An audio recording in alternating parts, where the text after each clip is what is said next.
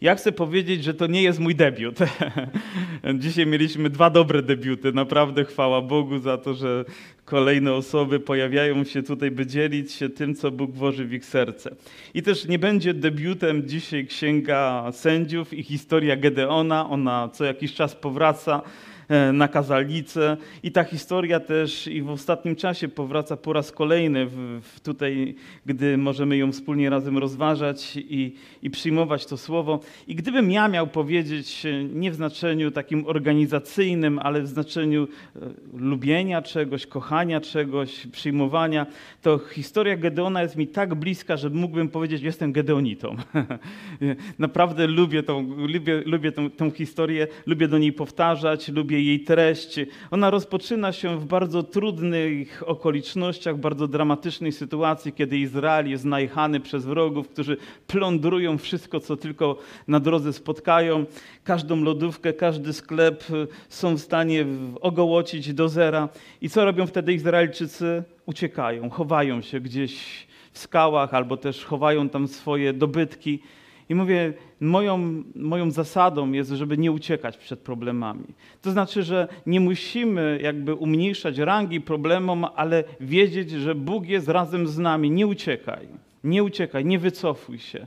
Drugą rzeczą dobrą, o której widzimy i którą odczytujemy z tej księgi, jest to, że kiedy jest trwoga, to zaczynamy wołać do Boga. To nawet się ładnie rymuje. A więc wołali do Boga. Co? Bóg posyła swoje słowo, które zaczyna na nowo przemawiać do serca Gedeona. Bóg zapewnia go, że jest razem z nim. On składa też ofiarę, która taki szczególny sposób jest przyjęta, ponieważ ten ogień buchnął ze skały i pochłonął, a wiemy, że było zrobione to z jednej efy mąki, co prawie z 40 litrów mąki, placek upieczony, polewka do tego i to wszystko zostało przyjęte. A więc widzimy Boże działanie, widzimy jak serce Gedeona się otwiera, jak Bóg dotyka go w ponadnaturalny sposób. I oto kolejna część tej historii, myślę, że jedna z trudniejszych części historii. Wiecie, patrząc do tej pory na to, co się wydarzyło, moglibyśmy uduchawiając to albo patrząc oczami Nowego Testamentu, mogliśmy powiedzieć, no tak, Gedeon usłyszał Ewangelię. Ona dotknęła jego serca. On nawet zrobił pewien krok. Gdyby zobrazować to, może to była ewangelizacja, na której Gedeon wychodzi, otwiera swoje serce, Pan wypełnia je też swoim pokojem, bo tak też nazwał ten pomnik, który później zbudował Panie spokojem. Ale czy to wszystko, czego potrzebujemy? Czy teraz nie rozpoczyna się również chwalebna, ale nieco trudniejsza część naszego chrześcijańskiego życia? Czy otrzymamy wszystko, jeżeli utkniemy w tym miejscu, gdy będziemy zwiastować Ewangelię ludziom, o przyjdź do Boga, uwierz w Niego, o oddaj Mu swoje serce i niczym się nie martw. Widzicie, to są słowa ludzkie, natomiast Bóg przedstawia tą rzecz nieco inaczej. W Jego słowie są również obietnice, jak i wyzwania, są zapewnienia o tym, co Bóg czyni i oczekiwania wobec tego, co my powinniśmy uczynić w naszym życiu. I ta druga część jest trudniejsza do spełnienia, ale chcę Wam powiedzieć, że ona również jest chwalebna. Zaskakuje mnie za każdym razem, gdy widzę mojego Pana Zbawiciela, gdy podejmuje decyzję, nie wybiera nigdy łatwiejszej drogi, ale za zawsze wybiera chwalebną drogę. Nawet jeżeli ona prowadzi przez miejsca, przez które rodowity Żyd nie powinien przejść, to on jednak je wybiera, żeby spotkać jedną osobę, by zwiastować jej Ewangelię, by przyprowadzić ją do zbawienia, by coś więcej zostało uczynione. I o tym czytamy choćby w historii o tej Samarytance, którą którą spotyka e, Pan Jezus przy studni. I tam też widzimy moment i nawrócenia, ale też pokuty, szczerości, otwartości przed Bogiem. Widzimy, że dzieje się coś więcej. I historia Gedeona nie kończy się tylko w tym miejscu. O, Pan jest razem ze mną, osiągnąłem jakiś status pokoju, to mi wystarczy. Chcę iść dalej, potrzebuję iść dalej. I być może my dzisiaj jako Kościół potrzebujemy przyjrzeć się tej historii, by pójść dalej, by osiągnąć to, do czego jesteśmy powołani, a wiąże się to z wyzwaniem, z trudnymi pytaniami, które musimy sobie zadać i nie z łatwymi decyzjami, które będziemy musieli przyjąć. Nie jest moim dzisiaj celem, by, by wyciągać jakieś rzeczy ze zboru, o których wiem i teraz rzucać je z kazalnicy, ponieważ pastor coś usłyszał, ale będę starał się tak, jak uczy Boże Słowo, tak jak też przedstawia ta historia, zmierzyć się z nimi, po to byśmy my mogli również przez to samo przejść. I oto czytamy w wierszu 25 kolejną część tej historii, która rozpoczyna się w ten sposób. Tejże nocy rzekł Pan do niego: Weź cielca z bydła twojego ojca i drugiego siedmioletniego cielca i, i rozwal ołtarz Baala, który należy do twojego ojca i zet, zetnij słup, który jest przy nim. I zbuduj dla Pana Boga Twego na szczycie tej warowni ołtarz złożonych kamieni, weź drugiego cielca i złóż całopalenie na drwach ze słupa, który ściąłeś. Oto polecenie. Oto tej nocy, w tym czasie Bóg do niego przemawia. I wygląda na to, że on podejmuje natychmiastowe działanie, reakcję na to słowo i zaczyna wykonywać, ale słowo to nie rozpoczyna się zbyt chwalebnie i dobrze dla niego. W tej nocy rzekł Pan do niego: weź cielca z bydła twojego ojca i drugiego siedmioletniego cielca. Nawet gdy mamy do czynienia z takim opisem, że trzeba wziąć dwa różne zwierzęta, zwierzęta, aby, zło, aby, aby nimi coś wykonać, ponieważ będą potrzebne, to nawet i w tym powinniśmy widzieć, że Bóg chce nam coś powiedzieć że chce coś uczynić. Dla niego było to polecenie, które później stało się jaśniejsze, ale my czytając Boże Słowo wiemy, że Bóg dzisiaj nie powie do nas, o weź byka i weź krowę, albo weź owce, weź e, gołębia i inne rzeczy, ale musimy rozumieć, co kryje się za tymi pojęciami. I żeby to zrozumieć, musimy znać Stary Testament, musimy znać jego przesłanie. Niektórzy ludzie uważają, o wystarczy mi Nowy Testament. Tak, wystarczy ci Nowy Testament, ale żeby go rozumieć, potrzebujesz czytać Stary Testament. Poprzez niego też rozumieć lepiej Stary Testament. A więc są to księgi, które objawiają Boga i poprzez jedną rozumiemy lepiej drugą. I tej drugiej nie chcemy rozumieć bez tej pierwszej, bez Nowego Testamentu, Starego Testamentu, ponieważ i tam widzimy łaskę i moc i autorytet naszego Pana Jezusa Chrystusa, jeżeli tylko właściwie ją odczytujemy. Trzecia Księga Mojżeszowa jest dość trudną księgą do czytania, zgodzicie się ze mną, ponieważ jest to system ofiarniczy, oto takie zwierzę za taki grzech w taki sposób. Wszystko precyzyjnie jest przedstawione ale kiedy rozpoczynamy czytać tę księgę, są tam ukryte perełki, które pokazują nam, że Bóg właśnie w ten sposób działa, odnosić to do Nowego Testamentu i zobaczyć, jak to może zadziałać w naszym życiu. Wiem, brzmi skomplikowanie, ale dwa zwierzęta. Dlaczego? Czy tyle było potrzeba siły roboczej, żeby zburzyć ten ołtarz i później ściąć słupa szery? No do tego akurat ścięcia słupa to nie było potrzeba pewnie tych zwierząt, chyba po to, żeby go później zwalić, gdy jest nadcięty.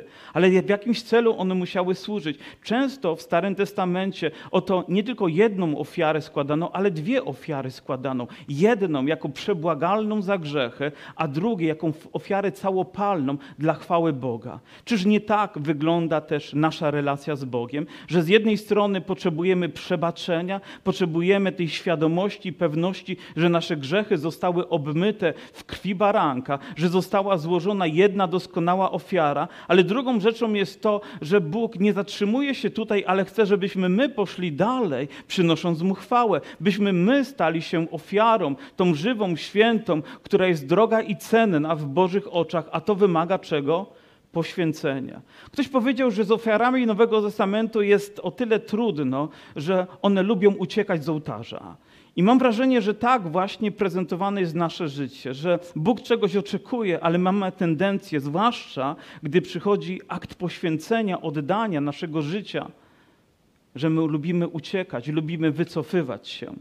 Ale też możemy zadać sobie już tutaj dość istotne pytanie: jak to się stało, że w domu ojca Gedeona jest pomnik, który miał służyć Baalowi, jest ołtarz, na którym składa mu się ofiary.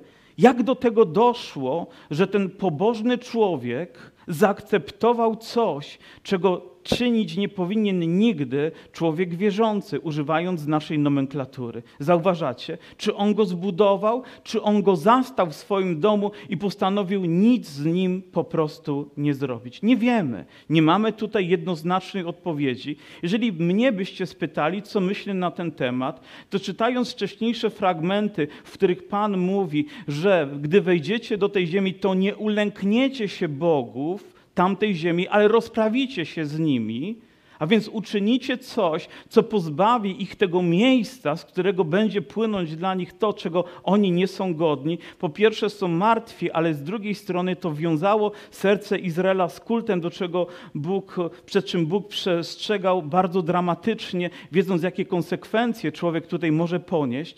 A więc widzimy dość trudną sytuację, bo skąd w domu człowieka wierzącego pojawia się ołtarz fałszywemu bóstwu? Czy możliwe jest, że i dzisiaj w życiu kogoś z nas, w naszym domu, może być jakiś, jakaś rzecz zastana, może nawet z pokolenia w pokolenie idąca. O tak, nawróciłem się, oddałem życie mojemu Panu, o tak, przychodzę na nabożeństwa, ale mimo to jest coś, czego tam nie powinno być. Ja wiem, że to dla Was są pewnie retoryczne pytania, ale właśnie one wynikają z tego fragmentu, a Bóg mówi: rozprawicie, czy mógłby pójść dalej, czy mógłby osiągnąć to, do czego został powołany, gdyby tutaj, jak my to mówimy, wymiękł, gdyby nie uczynił tej dramatycznej rzeczy. Bo słowo rozwal oznacza, że nie przykryj, nie schowaj, nie umniejszysz jego wartości, ale rozwalisz to, przestanie to istnieć. A więc dwie rzeczy tam są. Z jednej strony to ten ołtarz Baala. Baal był bóstwem, które odpowiedzialne było nawet za atmosferę, za pogodę, za, za grzmoty, za wyładowania atmosferyczne. A więc w tamtym czasie wyobraźcie sobie, gdy grzmiało, gdy pioruny waliły, to ludzie myśleli sobie, o, Baal nadchodzi, trzeba się bać. I widząc być może nawet sytuację, gdy ktoś został porażony piorunem, nie znając naszego naukowego wytłumaczenia dzisiaj, czym jest to zjawisko, ludzie myśleli, o to musi być strasznie groźny Bóg. I ludzie się go bali.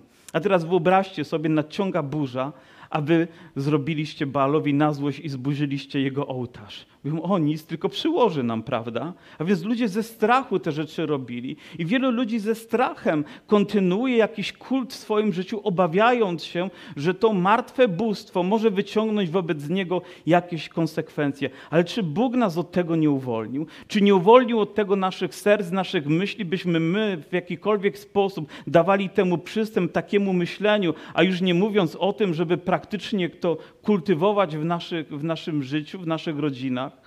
To są bardzo ważne pytania. Ja wiem, one nie są najłatwiejsze, bo wielu ludziom wydaje się, że się rozprawili, a może tak nie jest i za chwileczkę dojdziemy i będziemy musieli się z tym zmierzyć, czym to może być. Drugi, druga rzecz, która jest, to słup, który tam jest. Znając kontekst jakby tego wydarzenia w kontekście całej Biblii patrzymy, to mógł być słup Aszery, żony Baala, albo nawet bogini niebios, jak ona była nazywana więc kult jakiejś świętości płci żeńskiej. I ten słup był tego obrazem. I Bóg mówi: rozwalisz to, nie pozwolisz, zetniesz, a drwa z tego użyjesz po to, żeby później złożyć właściwą, właściwą mi ofiarę. Nie chcę wyciągać tutaj zbyt pochopnych wniosków, ale chcę Wam opowiedzieć, jak to było też w moim życiu, gdy się nawróciłem.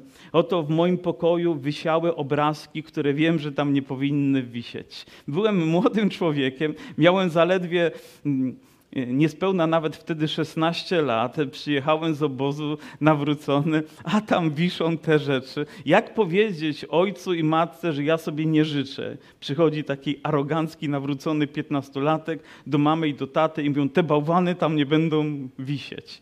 Wyobrażacie sobie ich reakcję, albo wyobrażacie sobie, co przeżywa wtedy młody człowiek, gdy musi taką decyzję podjąć. O błogosławieni ci, którzy wychowywali się w domach ewangelicznych, bo takich decyzji nie muszą podejmować. To później rodzice walczyli z tymi plakatami, które się pojawiały, a może tam pojawiać się nie powinny. I to znowu jakby inna historia i może czas na inne kazanie, bo ściany też o czymś mówią, prawda? Świadczym o tym, co, ma, co mamy w sercu. I miałem odwagę ściągnąć te obrazki. Wywalczyłem to jakoś. Nie wiem, czy zrobiłem to w nocy, ani nie zauważyli. Już nawet nie pamiętam. Ale zrobiłem to, że, że przestały tam, tam wisieć. Ale później przeprowadziłem się, już mając lat dwadzieścia kilka, na swoje pierwsze mieszkanie, które odziedziczyłem po zmarłej babci. I tam również pojawiały się rzeczy, które były takie z pokolenia w pokolenie, z którymi wiązał się rodzinny sentyment. I teraz miałem coś z tym zrobić albo to zostawić.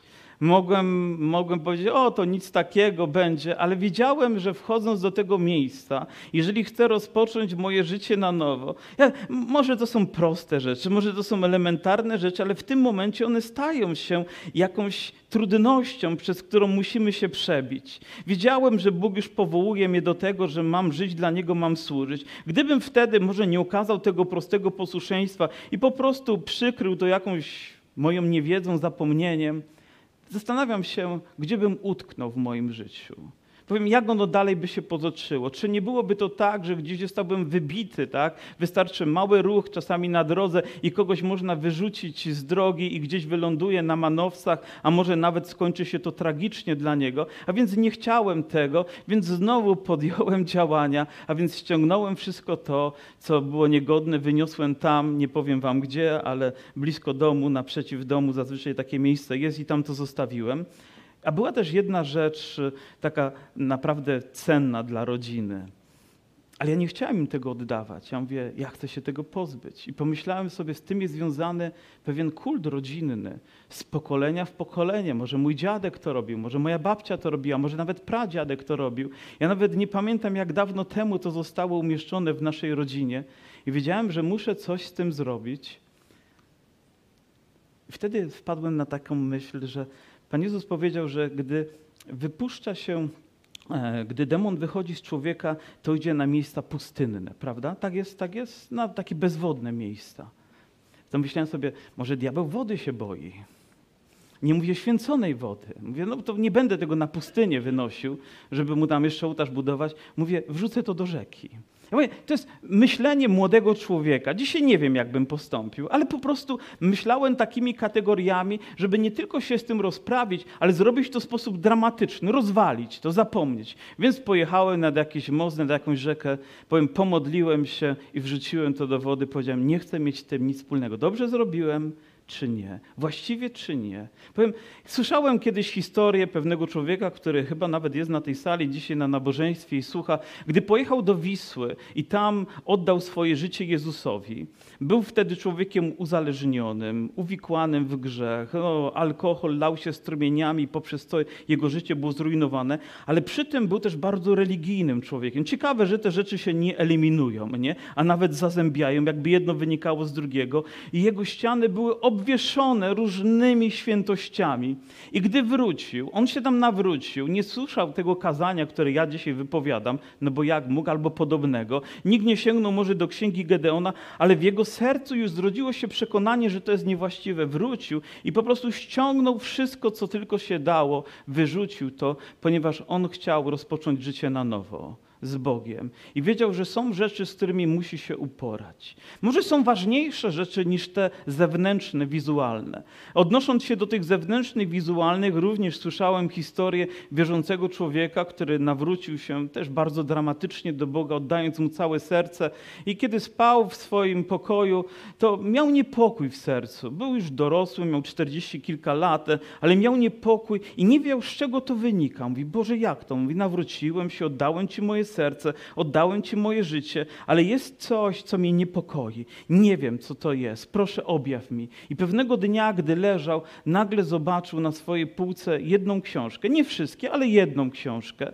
Podszedł do niej, wyciągnął ją, przeczytał okładkę i był przerażony. To była okultystyczna książka i wiedział, że musi się ją pozbyć, a więc y, wyniósł ją gdzieś na zewnątrz, wrzucił do jakiegoś pojemnika, podpalił, ale palić się nie chciała. Musiał naprawdę wielkiego wysiłku, żeby nawet spalić tą książkę, ponieważ ten papier się nie palił. Jakby trudność była w samym podpaleniu papieru. Ciekawe jak jest z Biblią. Chyba diabłu łatwiej to wychodzi, nie? Pewnie chętnie by ją spalił, ale on spalił w końcu, zniszczył tą książkę i pokój wrócił.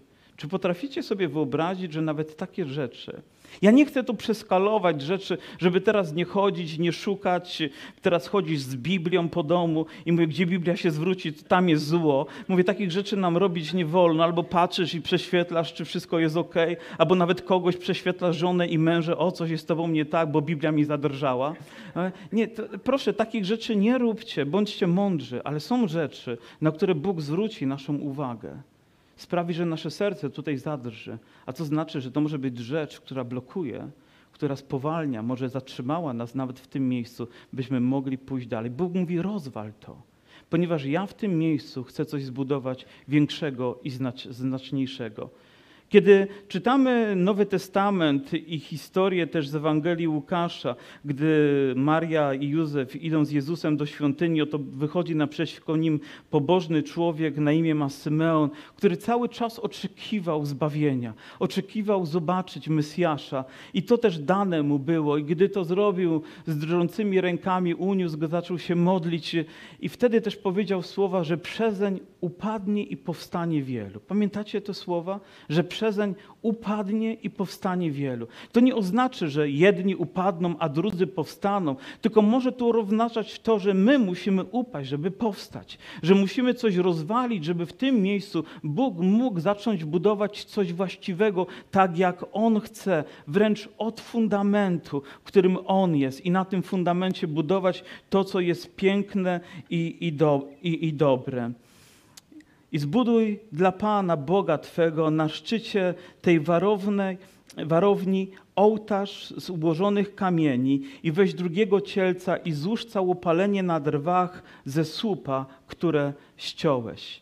Oto nakaz biblijny był taki, że jeżeli budujemy ołtarz, a one były budowane dla Boga Wszechmogącego, dla Boga Jahwe, jedynego Boga, prawdziwego Boga, to te kamienie nie miały być marmurem, z których dzisiaj się robi, takim oszlifowanym, ale to miały być po prostu kamienie, po prostu zwyczajne kamienie, które zostały właściwie ułożone. I Bóg nie chce tylko coś wypolarowanego, coś, co zachwyci nasze oko, ale coś, co będzie autentyczne, coś, co będzie szczere. I dzisiaj miejscem, w którym my budujemy ołtarz, jest nasze serce, ale również to jest warowne miejsce. To jest ważne miejsce, bo od niego rozpoczyna się albo coś dobrego, albo coś złego. A więc jeżeli ma się rozpocząć coś dobrego, to te diabelskie warownie, te, które się pojawiły tam wcześniej, muszą być rozwalone, muszą być zburzone. Tu nie ma nawet alternatywy, że Bóg mówi inaczej. I gdybyśmy sięgnęli też i do Nowego Testamentu, gdybyśmy próbowali przytoczyć tutaj słowa, które nie my jakby nawet zapisaliśmy, ale Pan Jezus, które objawił też swojemu, swojemu Kościołowi, to On mówi w taki wyjątkowy też sposób, że nie możemy Bogu służyć i komu? I mamonie mówi tak. Żaden sługa nie może dwóm panom służyć, gdyż albo jednego nienawidzić będzie, a drugiego miłować, albo jednego trzymać się będzie, a drugim pogardzi. Nie możecie Bogu służyć i mamonie. Bóg nie mówi, że no słuchajcie, to będzie trudne, ale jakoś dacie radę. No, jakoś się w tym poukładacie. On mówi, nie możecie. Po prostu dla człowieka wierzącego nie ma innej opcji, jak z jednym bóstwem się rozprawić i pozwolić, żeby drugie dominowało w naszym życiu. I chrześcijaństwo to nie tylko kwestia tego, że my, jako ludzie wierzący, świadomie wierzący, musimy pozbywać się wielkich rzeczy, ale nie pozwalać, by małe rzeczy wyrosły do takiej rangi, by stanęły ponad to, co najważniejsze w naszym życiu ponad Boga. A my mamy tendencję do tego, żeby one wypiętrzały się. Może strach, może jakaś okoliczność, może jakaś sytuacja, może dziewczyna, w której się zakochałem, albo chłopak, którym się zauroczyłem, albo mąż, albo żona, albo praca, albo kariera, albo inne rzeczy. One wciąż lubią się wypiętrzać w naszym życiu tak wysoko, że Jezus Chrystus i Jego łaska, Jego moc schodzą na plan drugi w naszym życiu, a więc pojawiają się bóstwa. Pan Jezus tutaj bardzo konkretnie nazywa to bóstwo, które próbuje się wypiętrzać i są nimi pieniądze, mamona, z którą musimy mieć do czynienia. To nie jest tak, że bierzemy 100 złotych, odwracamy wzrok, mówię, nie mogę na ciebie stówo patrzeć, bo jesteś mamoną, tylko chodzi o to, żeby ona nie była ważniejsza niż cokolwiek innego. Nie wiem, czy słyszeliście taką historię, jak 200 złotych wybierało się do nieba. Ktoś z was słyszał tą historię? 200 złotych wybierało się do nieba, a święty Piotr mówi, no nie wejdziesz. Jak to nie wejdę? Mówi, ja przez ten dwie stówy. Wybiera się stuwa. I święty Piotr mówi, no nie wejdziesz do nieba. Jak to nie wejdę do nieba? No przecież jestem stówą. 10 złotych się wybiera. A święty Piotr mówi, no nie wejdziesz do nieba. Jak to? Mówi, no nie wejdę. Złotówka się wybiera, a święty Piotr mówi, zapraszam. No i wtedy te większe nominały, takie oburzone, mówią, jak to? Mówi, przecież my mamy większą wartość. Mówi, tak, mówi, ale rzadko was widziałem w kościele.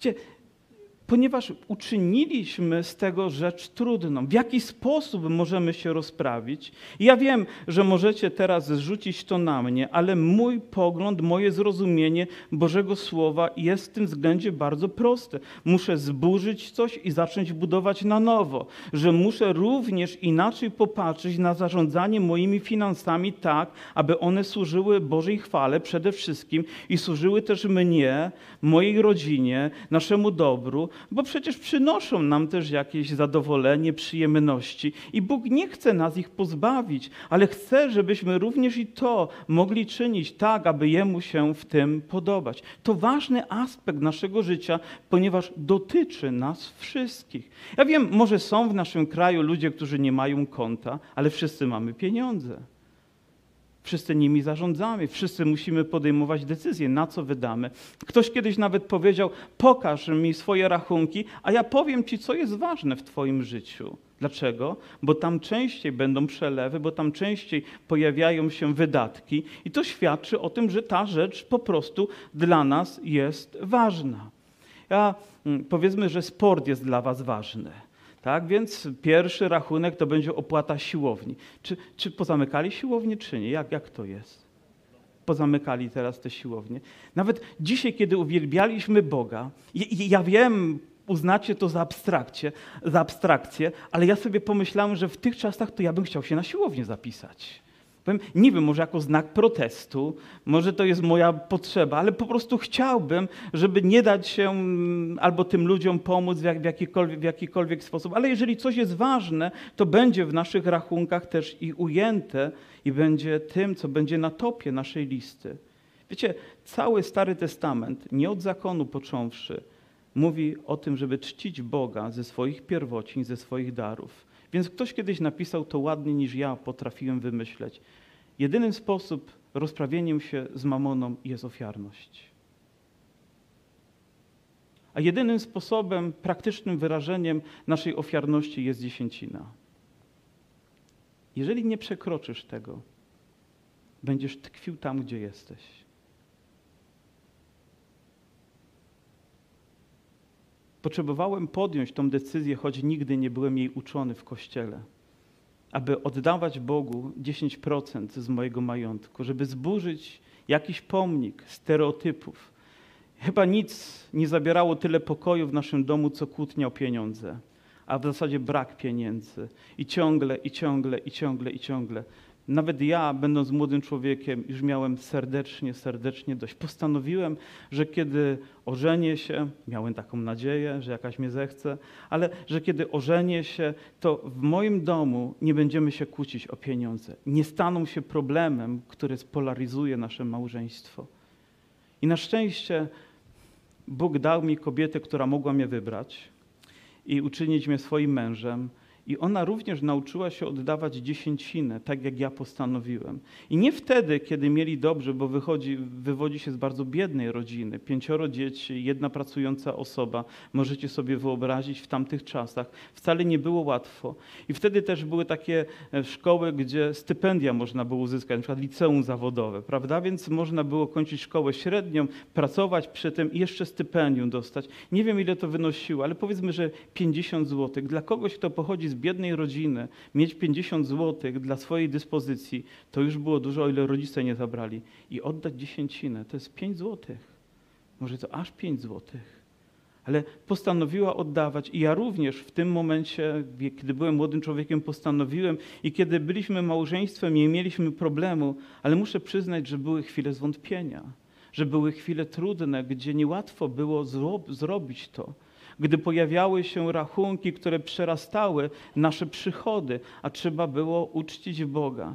Dzisiaj staramy się to robić regularnie, dzisiaj y, robimy to regularnie, nie tylko się staramy. Dzisiaj, gdy przychodzą, obliczamy i ze wszystkiego, nawet gdy zwrot podatków przyjdzie, to wiemy, że Bóg jest godzien tego. I wiecie, diabeł poprzez to nie ma przystępu, by wzbudzać niepokój w, naszych do, w naszym domu. Ja nawet nie wiem, kiedy ostatnio kłóciłem się z żoną na temat pieniędzy. Nie, nie pamiętam.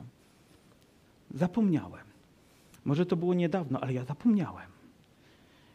Nie powracamy do tego. Inną rzeczą, która jest również ważna, o której Bóg mówi, z którą musimy się rozprawić, to jest to, że budujemy sobie taki ołtarz cielesności, gdzie pozwalamy, żeby żądze zaczęły rządzić nami. I to jest niewłaściwa kombinacja.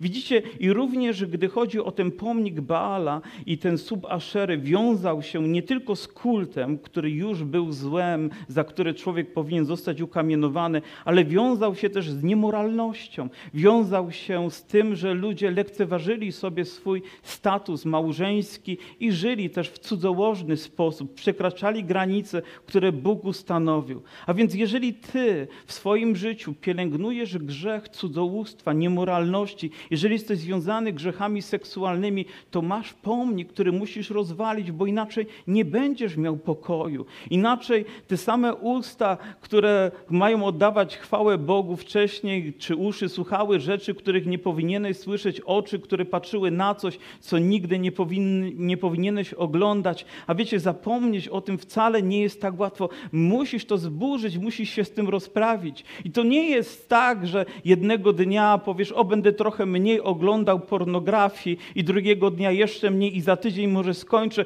tylko musisz to zburzyć, musisz zdecydowanie z tym zerwać. Tak samo gdybyś prowadził jakiś związek niemoralny, a więc jesteś człowiekiem samotnym i żyjesz z kobietą, która jest samotna, ale żyjecie razem i również w sposób cielesny, to nie jest tak, że na raty zerwicie musicie postanowić, musicie, nie wiem, związać swoje życie małżeńskie, ponieważ Bóg tego oczekuje. Już nie mówię o tym, że jakaś żona może zdradzać męża albo mąż zdradzać żonę i żyją w ten sposób i uważają, że to jest w porządku. Nigdy nie pójdziesz dalej, nigdy nie rozwiniesz swojej wiary, nigdy nie osiągniemy pełni pokoju, jeżeli ten stan zaakceptujemy i nie zostanie to zburzone w autorytecie imienia Jezus, prawda? Możemy upaść, to może się zdarzyć, możemy się potknąć, możemy się zagalopować, ale Bóg mówi: zbóż to, żeby pójść za mną, musisz się z tym rozprawić, musisz to wyznać i pozostawić za sobą i więcej do tego nie sięgać, ponieważ to, co Bóg chce uczynić, te drwa, które On chce użyć z przeszłości, one mają być świętością, ma być mógł cieszyć się swoją seksualnością w ramach związku małżeńskiego, by mogło to być zdrowe, mogło być czyste, mogło być bez obaw. Nie będziesz ciągle myślał, czy żona cię zdradza, albo mąż jest tobie niewierny, ponieważ świętość będzie was strzec, ponieważ Bóg się o was zatroszczy. A więc jeżeli uporządkujemy kwestie finansowe, jeżeli uporządkujemy kwestie moralne w naszym życiu, nie mówiąc o tych kultywowaniu rzeczy, które nigdy nie powinny się pojawić, jakieś pomniki czy cokolwiek w naszym domu, w naszych rodzinach, to wierzę, że Bóg w tym miejscu będzie wybudował coś wyjątkowego. Ale nie pójdziesz dalej. Może powiedzieć, o, tak sobie postanowiliśmy, tak my to będziemy robić. Nie, zrób tak, jak Bóg chce. Już słyszę bunt pewnie gdzieś, ale ja tak wierzę. Naprawdę wierzę, że tylko w ten sposób możemy okazać autentyczną, szczerą i pełną oddania wierność Bogu. Kiedy jesteśmy Mu wierni w tym, do czego zostaliśmy przez Niego powołani. Kolejna rzecz to ludzie, którzy się pojawiają, którzy stają się bóstwami. To nauczyciele, to przywódcy religijni, to liderzy, których obdarzamy czasami czcią, na którą oni nie zasługujemy. Uznajemy, że oni mają tylko rację i nikt inny tej racji mieć nie może. Szukamy w internecie i później mówimy, o ten nauczyciel, albo o to, albo jeszcze. Czyż przed tym Paweł nas nie przestrzega? Mówiąc, kim my jesteśmy? Tylko ludźmi. Tylko ludźmi a tym, który zasługuje na chwałę jest Jezus. I dzisiaj będziemy żyć w czasach, gdzie coraz więcej będzie się pojawiać bóstw na panteonie chrześcijaństwa ewangelicznego i ludzie będą do nich lgnąć. Ale jeżeli ty nie przylgniesz całym sercem do Jezusa, to ci ludzie odwiodą cię od Niego. Musisz uważać, musisz być uważny bardziej niż kiedykolwiek wcześniej. Oto tu powiedzą, jest dobre nauczanie, oto tam jest dobre nauczanie. Jeżeli nie weźmiesz tego sam z Biblii, jeżeli nie utwierdzisz tym swoje serce, to ludzie mogą zrobić ci wielką krzywdę i nawet nie spostrzeżesz się kiedy będziesz ogarnięty jakimś kultem, jakąś chwałą, która nigdy tam nie powinna się pojawić. Bądź ostrożny. Bądźcie ostrożni, młodzi ludzie. Nie wszystkim, wiecie, czytajcie Boże Słowo, a Bóg będzie miał moc, aby strzec was. Nie budujcie sobie żadnych pomników. Nie budujcie sobie niczego, co mogłoby wyrosnąć poza Boga, ponieważ On tylko jest godzien chwały. Słyszałem kiedyś historię o pewnym, o pewnym mm, Żydzie, który zamieszkał w jakiejś miejscowości, no i tam już dostatecznie długo żył. I w tej miejscowości pewien człowiek dostał objawienia że na jego podwórku rośnie drzewo. Był artystą i w tym drzewie zobaczył postać i, i wyrzeźbił ją. I była to postać świętego Józefa dla niego. I każdy, kto przechodził przez um, obok jego posesji, kłaniał się, no bo to święty Józef tam na posesji stoi, kłaniał się.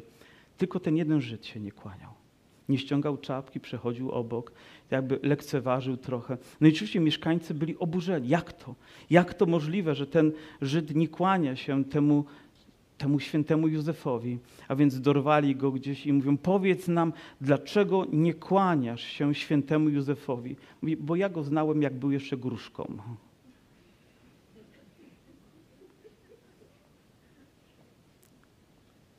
Niełatwo jest nie kłaniać się. Niełatwo jest czegoś się pozbyć. Ale my musimy wiedzieć, jak Bóg się do tego odnosi, jaki jest, jego, jaki jest Jego autorytet i czego On od nas oczekuje. I oto ta historia nawet nie kończy się w tym miejscu. Gedeon wziął dziesięciu mężów spośród swoich sług i uczynił, jak mu powiedział Pan, ponieważ jednak bał się domowników swojego ojca, obywateli miasta, aby uczynić to w dzień, uczynił to w nocy. Powiem, wziął dziesięciu, bo nie wiemy, czy tyle trzeba było siły, czy tyle trzeba było zabezpieczenia, gdyby ktoś zobaczył i próbował go zaatakować.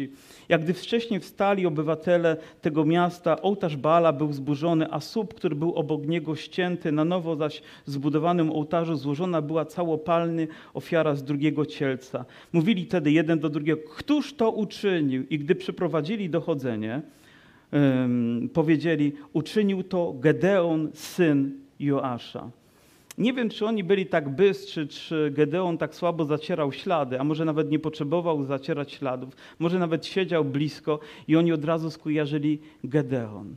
Wiecie, zamiast pochwalić go, zamiast powiedzieć: O Gedeonie, zrobiłeś coś, czego my wszyscy nie byliśmy na tyle odważni, by zrobić, a ty miałeś odwagę to zrobić, to oni wpadli na pomysł, że zrobią krzywdę mu. Wtedy rzekli obywatele miasta do Joasza, czyli ojca Gedeona: Wyprowadź swego syna, niech zginie, gdyż zburzył ołtarz Baala i ściął słup, który był przy nim.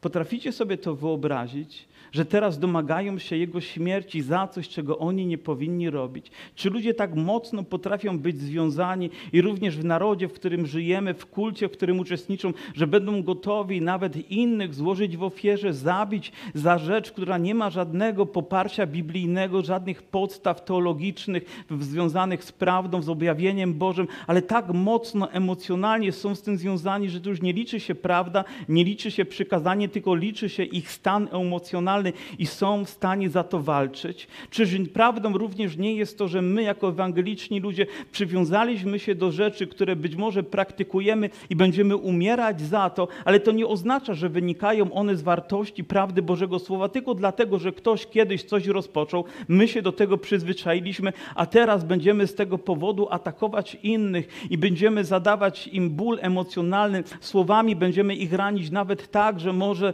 pozbawimy ich oddechu, a nawet bylibyśmy gotowi duchowo ich zniszczyć, bo my przecież znamy prawdę, ale skąd ona wynika? Z Biblii czy z mojego doświadczenia? Z Biblii czy z mojej potrzeby? Z Biblii czy z mojego strachu? Z moich obaw? Skąd wynika? Dlaczego wierzysz w to, co wierzysz? Skąd się to wzięło? Dlaczego to kultywujemy? Dlaczego to ma miejsce dzisiaj pośród nas? Musimy zadać sobie dość elementarne pytania, bo inaczej możemy w zborze oskarżać się nawzajem. A dlaczego nie robimy tego tak jak oni? Dlaczego nie robimy tak jak ten kościół albo tamten kościół? A dlaczego oni to w ogóle robią, to nie wiemy.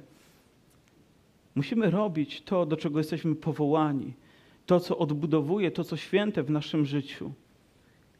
a nie atakować, nie niszczyć, nie próbować robić rzeczy, które być może wyrządzą szkodę innym ludziom. Wtedy rzekli obywatele miasta, wyprowadź, my go, my go tu zabijemy. I rzekł Joasz do wszystkich, którzy stali przy nim, czy chcecie walczyć o Baala? Czy chcecie go ratować? Kto o niego będzie walczył, do rana zginie. Jeśli jest Bogiem, niech sam o siebie walczy. Przecież to jego ołtarz został zburzony. Tego dnia nadano mu imię Jerbaal, powiadając, niech sam Baal walczy z nim, gdyż zburzył jego ołtarz. Wtedy zebrali się razem wszyscy Midianczycy, Amalekici i, i ludzie ze wschodu, przeprowadzili się i rozłożyli się obozem w dolinie Jezreel. Lecz Gedeona ogarnął duch pański, tak iż zadał w trąbę i skrzyknęli się wokół niego potomkowie Abiezera. Dzisiaj tym wierszem zakończymy, gdy Gedeona ogarnął duch pański. Ale czy doszedłby do tego, gdyby nie zburzył pomnik, gdyby nie ściął słup, gdyby nie naraził nawet swojej reputacji, swojego życia?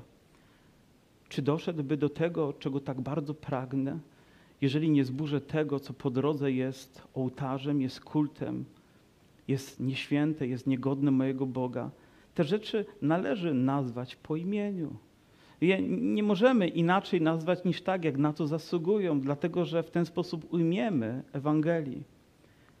Kiedy czytamy Boże Słowo w liście do, przepraszam, w dziejach apostolskich, w drugim rozdziale, gdy przyszli do Piotra ludzie, którzy dopiero co usłyszeli Ewangelię, byli poruszeni, emocjonalnie dotknięci i pytają, mężowie, bracia, co mamy czynić?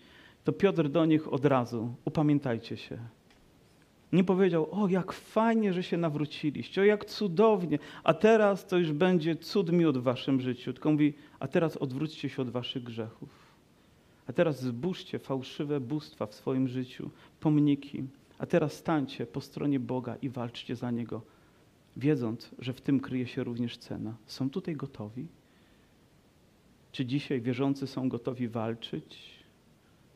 są gotowi stanąć w miejscu nawet niebezpieczeństwa, w miejscu narażenia się na szyderstwa, na śmiech, a może nawet na jakieś przekleństwo ze strony ludzi? Czy dzisiaj Kościół jest tak słaby, że nie podejmuje żadnych działań, tylko po prostu gdzieś ślizgamy się na płaszczyźnie tego, co dla nas miłe i wygodne? Czy podejmujemy wyzwania, mierzymy się z nimi, a wtedy Duch Święty nie jest tylko teorią, nie jest tylko chwilą emocji, ale jest mocą Bożą pośród swego ludu? Czyż nie tego potrzebujemy, aby Bóg dzisiaj ogarnął nas, byśmy zwyciężali w tych czasach? Byśmy nie poddawali się niczemu? Czyż dzisiaj nie powinniśmy stawać na tym miejscu z jeszcze bardziej rozpalonym sercem, by wołać do Boga? Ten fragment mówi, że Bóg jak tutaj czytamy, ogarnął duch pański, także zadał w trąbę. Ogarnął, jak ktoś kiedyś powiedziałby, przyoblekł się w Gedeona. Że Gedeon był jak rękawiczka, tylko w tej rękawiczce pojawiła się Boża dłoń, która zaczęła go używać dla swojej chwały. Czy dzisiaj tego potrzebujesz? Czy dzisiaj tego pragniesz? Czy dzisiaj jesteś gotowy zapłacić cenę? Gdyby dzisiaj trzeba złożyć dwa grosze, Albo gdyby dzisiaj był tutaj bogaty młodzieniec, tak jak o tym czytamy, e, gdy Pan Jezus spotkał tego bogatego młodzieńca, powiedział: Jednego ci brak. W zasadzie powiedział: Idź, zbóż ten ołtarz, idź, rozpraw się z mamoną i przyjdź naśladuj mnie. Mógł tak wiele zyskać, poświęcając tak niewiele, widząc w kategoriach Bożego Królestwa to, co miał on, a to, co miał Bóg do zaoferowania, to w ogóle nie ma żadnej konkurencji, która mogłaby to pokazać, jak wielka jest różnica w skali tego, co Bóg ma do zaoferowania nam w porównaniu z tym, co my mamy do poświęcenia Jemu. Ale Bóg chce, żebyśmy Mu to oddali. Nie bój się.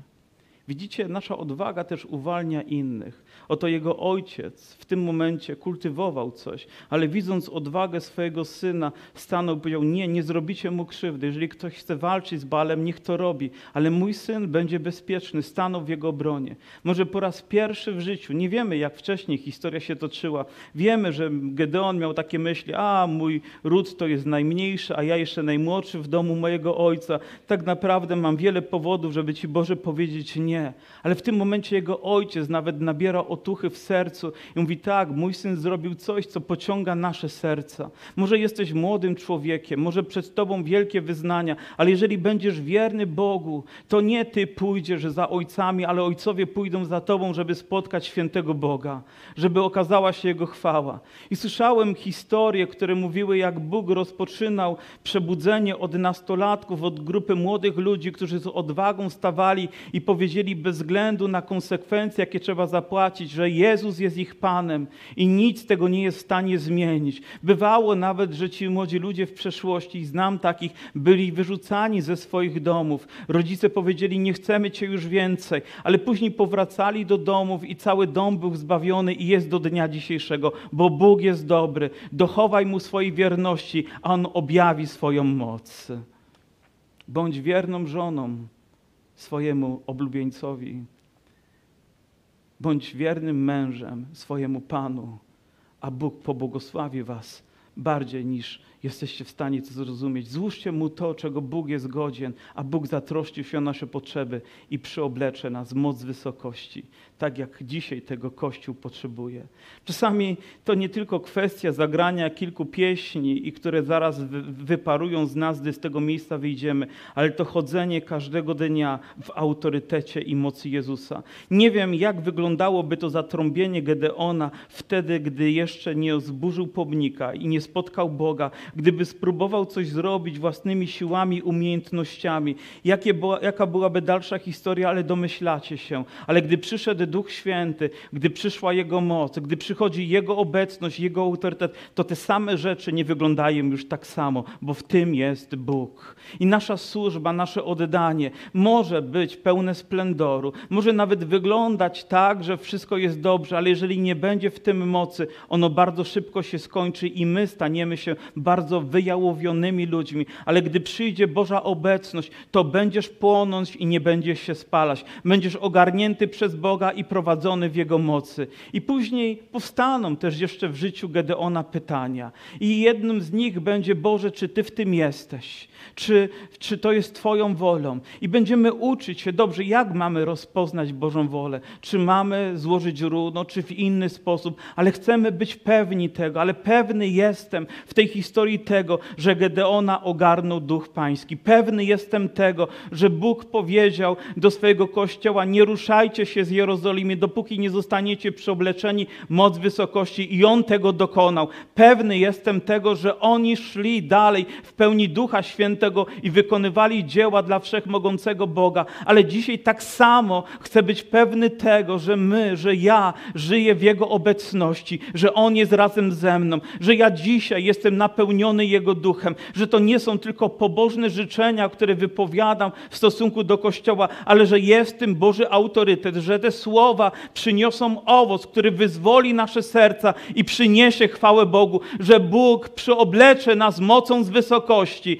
On sprawi, że jego dłoń pojawi się w tej rękawiczce i zacznie wykonywać dzieło. A gdy ta trąba się odezwie, to wielu przyjdzie, by uwielbić Boga. Bóg wybierze sobie tych, którzy będą w Jego imieniu zwyciężać, bo taki jest nasz Bóg. Dzisiaj tak bardzo chciałbym być pewny tego, moja siostro i mój bracie, że w pokorze, największej pokorze swojego serca, bez względu na to, czy to jest Ci bardziej czy mniej miłe, po prostu okażesz Bogu posłuszeństwo. Tak jak Bóg przemówił do Gedeona w nocy, przemówi do Ciebie w bardzo wyraźny sposób, co jest dobre, a co nie jest, co jest właściwe, a co nie, a Ty miej odwagę się z tym rozprawić aby On był we wszystkim uwielbiony. Pochylmy nasze głowy.